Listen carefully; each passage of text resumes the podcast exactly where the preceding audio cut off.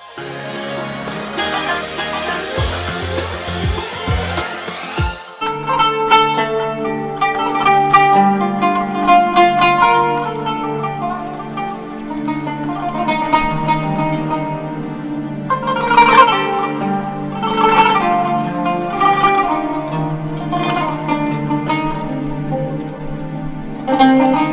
الله الرحمن الرحيم الحمد لله. والصلاة والسلام على سيدنا رسول الله وآله وصحبه ومن والاه. مع سيرة المصطفى صلى الله عليه وآله وسلم وقد وصلنا فيها إلى السنة السادسة. ووصلنا إلى غزوة بني المصطلق وعندهم ماء عرش عليه رسول الله صلى الله عليه وسلم أي بنى عليه عريشا ليجلس اسمه ماء المريسيع. بدأ العرب تلقى في قلوبهم الرعب. وبدأ المشركون يفكرون في الجيل الثاني من الحروب فإنهم تأكدوا أن هذه الدعوة لا تزول بحرب السلاح. ومباشرة ينتقل المنافقون والذين في قلوبهم مرض والمشركون إلى حرب الفتنة حرب الإشاعات. رأس المنافقين هو عبد الله بن أبي بن سلول وسلول أمه. ولذلك نقول عبد الله بن أبي ابن نحط الألف علشان سلول أمه مش أبوه. ابن سلول. وكان أهل المدينة يخرزون له الخرز حتى يتوجوه ملكا قبل مجيء النبي صلى الله عليه وسلم. فلما دخل النبي بأنواره وأسراره تغافل الناس عن عبد الله. فاغتاظ عبد الله ورأى أن النبي قد سلبه ملكه. ده أنا خلاص ده الأسبوع الجاي كانوا هيعينوني ملك. وهيجيبوا لي التاج. والتاج عاطينه للصناع من الخرز بيعملوه له بس يعني ما تمش. هم كانوا مستنيين يخلص. عند الصنايع. كان أهل المدينة يخرزون له الخرز. فانت جه وراح فكان زعلان قوي وفضل يظهر نفاقه مش مش نفاقه بقى يظهر كفره وعدوانه يعني على الملأ. لدرجة إن سيدنا النبي صلى الله عليه وسلم كان مرة راكب البغلة بتاعته وماشي. فهم قاعدين في سمر ليهم كده. منهم عبد الله بن أبي بن سلول. فالدابة بتعمل تراب وراه غبار كده. فقال ما هذا؟ أزكمت أنوفنا. فالتفت له النبي صلى الله عليه وسلم يتلو عليه قرآنا. كان سيدنا النبي كده لما واحد يلاقيه قليل الأدب ومن يتلو عليه قرآن يمكن ربنا يهديه ولا يعني يتلو عليه قرآن. يعني ممكن يقول له يعني قل هو الله أحد الله الصمد. يعني بدل ما تقل أدبك قول الله أحد يا أخي. مثلا. فقال له هلا جلست في بيتك حتى تريحنا؟ شغل منافقين. فصار النبي صلى الله عليه وسلم. ما دام السفه وصل به إلى هذا الحد فكان إيه؟ ما يجاوبوش ويمشي. ده بس على بين لك أنا مين عبد الله بن أبي ده؟ ابن سلول. عبد الله بن أبي بن سلول ده لما جه النبي عليه السلام يخرج إلى أحد ومخرج معاهم لغاية ما وصل كده لتلت الطريق وراح راجع هو واصحابه. عبد الله بن أبي بن سلول بقى أسلم بعد بدر. لما لقى المسلمين انتصروا والمشركين اللي كان بيعتمد عليهم من أهل مكة انهزموا راح داخل في الإسلام. وبدأت قضية النفاق أن يكون للإنسان أن يكون له ظاهر وباطن. يظهر ما لا يبطنه ويبطن ما لا يظهر. ف شوف الكلام وطريقة الكلام حتى ما فيهاش نخوة العرب. شوف اللي عملوا معاه في أحد. وبعدين هو طالع هو وأصحابه برضه مع النبي في غزوة بني المصطلق. التعليمات جاية من يهود خيبر. والتعليمات جاية من مشركي مكة إن الجدع ده اللي هو سيدنا صلى الله عليه وسلم مش هينفع معاه يظهر قتال ولا سلاح. شوفوا له حل تاني بقى وتدبروا ليه تدابير كده واعملوا فتن وخلوا الناس تقاتل مع بعض. كده يعني. ف التعليمات واخدها مين؟ الطابور الخامس. إيه الطابور الخامس ده اللي هو المنافقين اللي هم بيشتغلوا من جوانا. يبقى معانا لكنه مش مننا. معانا لكن شغال مع الخارج. قلبه مش معانا. الطابور الخامس اللي هم سموه دلوقتي الطابور الخامس بعد هتلر كان الطابور الخامس ده بيعمل خلف حدود أو أو خطوط العدو. يبقى منهم في انجلترا وفي فرنسا وشغال لمصلحة ألمانيا. هيبقى الطابور الخامس. فدول منهم وشغالين لمصلحة خيبر ولمصلحة مشركي مكة. ف النبي عليه السلام جالس عند المريسيع بيتكلم هو وأصحابه معاه سيدنا عمر. ومعاه الناس. و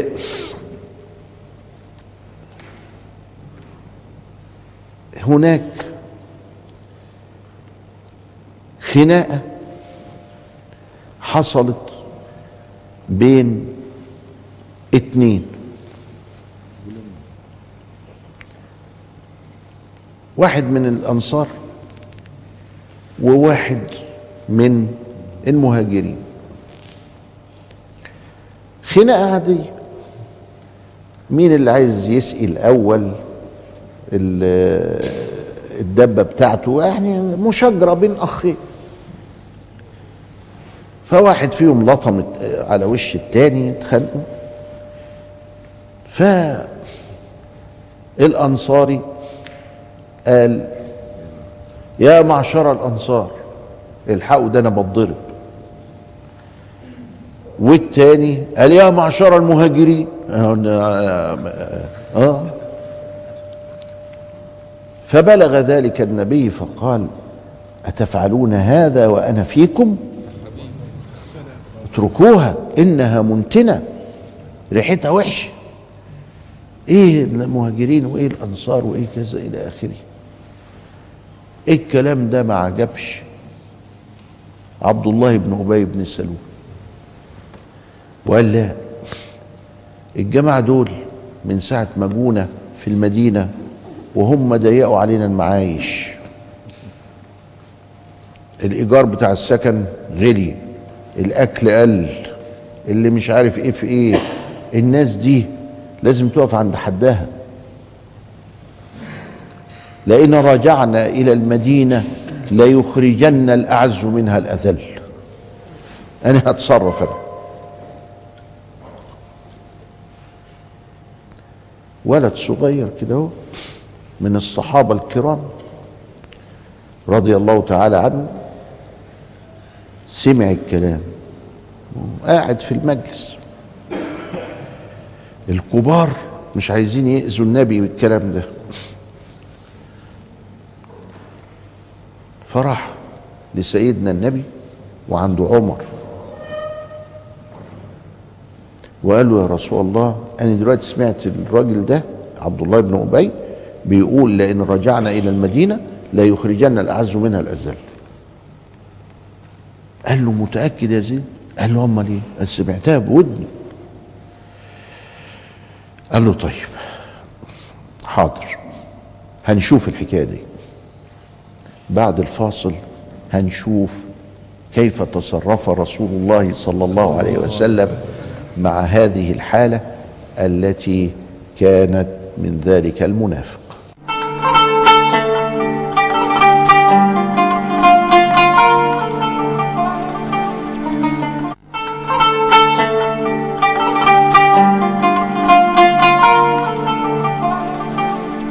بسم الله الرحمن الرحيم الحمد لله والصلاة والسلام على سيدنا رسول الله وآله وصحبه ومن والاه. خرجت من فم المنافق عبد الله بن أبي بن سلول هذه الغلطة. لئن رجعنا إلى المدينة ليخرجن الأعز منها الأذل. وبالطبع كان يقصد أنه هو الأعز وحاشاه سيدنا رسول الله صلى الله عليه وسلم الطرف الآخر. عرف عبد الله بن أبي أن الصبي بلغ رسول الله. عمر قال له يا رسول الله ارسل فلانا إليه ليقتله. كفاية بقى كده. إحنا زهقنا من الراجل ده ومن أفاعيله. ولما خرج فينا ما زادنا إلا خبالا وهيعمل فتنة. فخلصنا منه بقى ابعت فلان يقتله خلاص. احكم عليه بالحكم ده. فنظر إلى عمر وقال له لا يقال إن محمدا يقتل أصحابه. عليه الصلاة والسلام. ما فيش حاجة اسمها كده. يبقى مراعاة لصورة الإسلام اللي بعض الناس يقول لك وأنا مالي ومال صورة الإسلام؟ أنا هعمل اللي موجود في الكتاب وخلاص. لا. ده أنت لازم تراعي اللي أنت بتعمله ده في صورة الإسلام هيعمل إيه في الدنيا؟ لا يقال إن محمدا يقتل أصحابه. ده تأسيس لعقلية. لا يقال إن محمدا يقتل أصحابه. وقد كان. وبعدين جري عبد الله بن أبي بن سلول اول ما عرف إن الصبي زيد قال الكلام ده لسيدنا الرسول راح جاري على سيدنا قال له والله ما قلت. والله ما قلت. ويعمل إيده كده. بعض الأنصار قاعدين. قالوا له لعل الصبي أخطأ يا رسول الله. فالولد جاله اكتئاب نفسي. والله العظيم قال. حتى نزل فيها قرآن. فخرج بعد كده. وراح الاكتئاب النفسي من عنده لأنه الله أنا قلت فعلا وسمعت صح وبلغت صح وكان لازم أبلغ. أهو القرآن نزل فيها.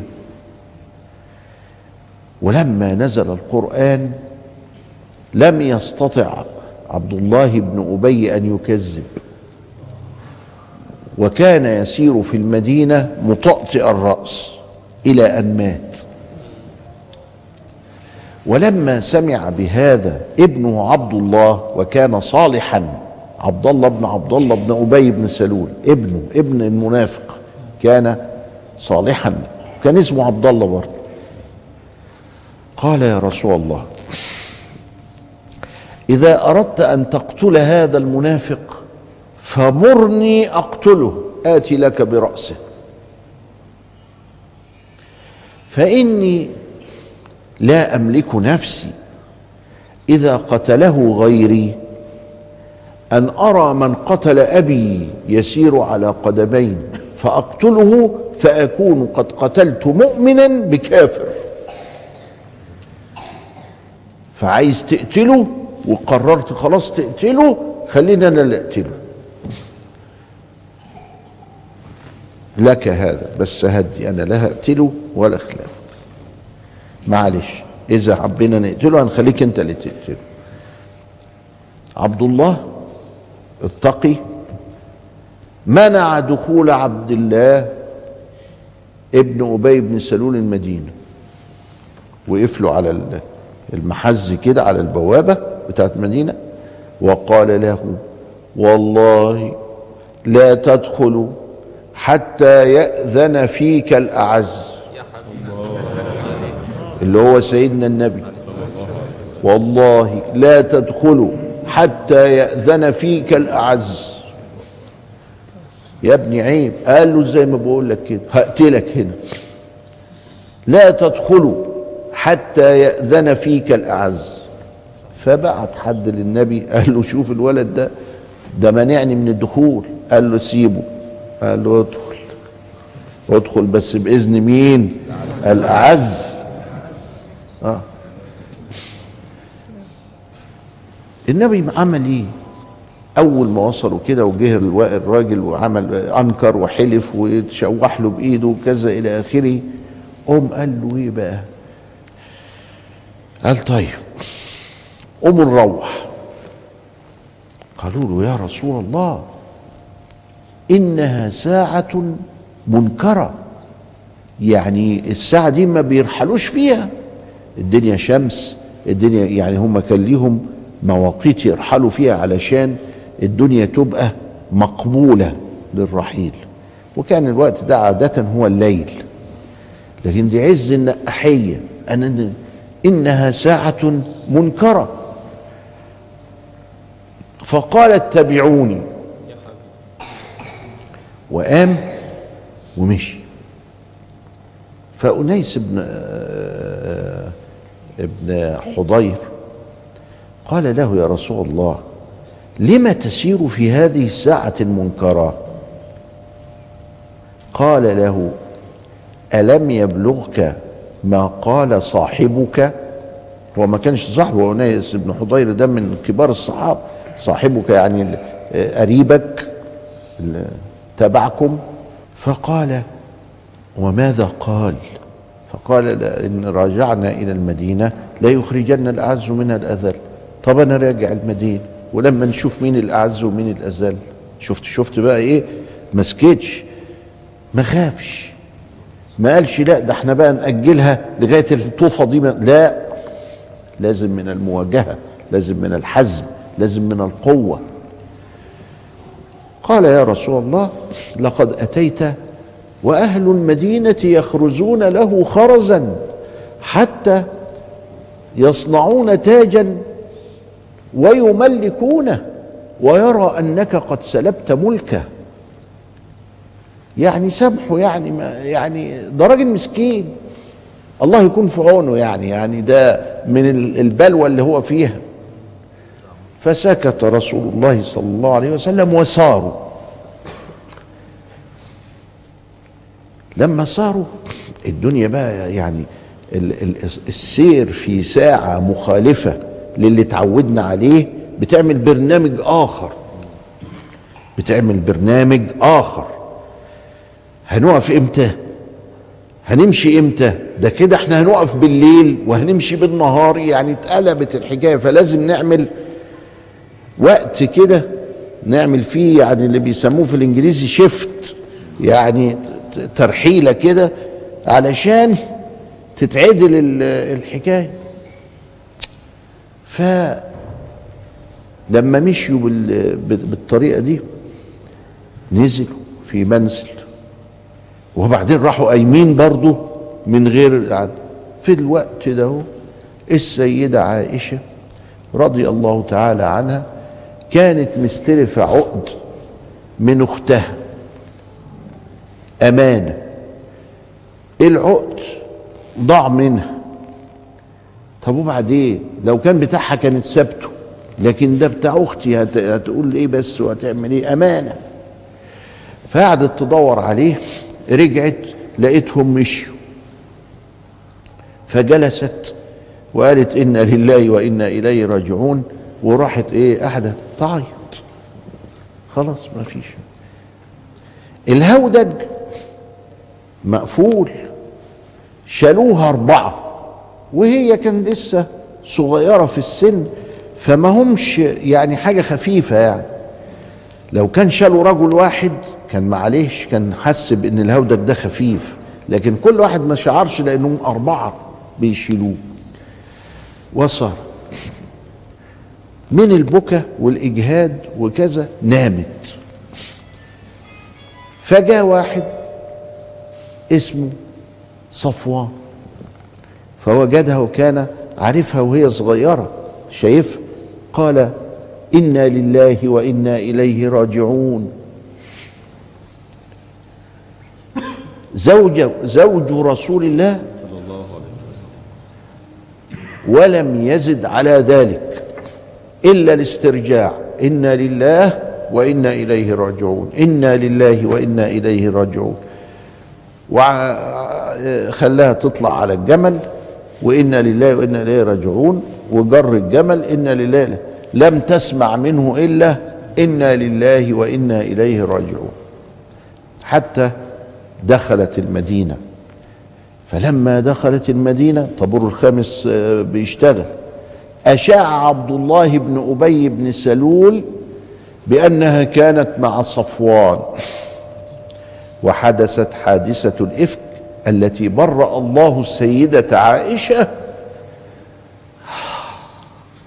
من فوق سبعة أرقع. ولنا في عبرة حديث الإفك وما يتم في بلادنا ووسط شعبنا من حديث الإفك عبرة نهتدي بها. من رسول الله صلى الله عليه وآله وسلم. إلى لقاء آخر أستودعكم الله والسلام عليكم ورحمة الله وبركاته.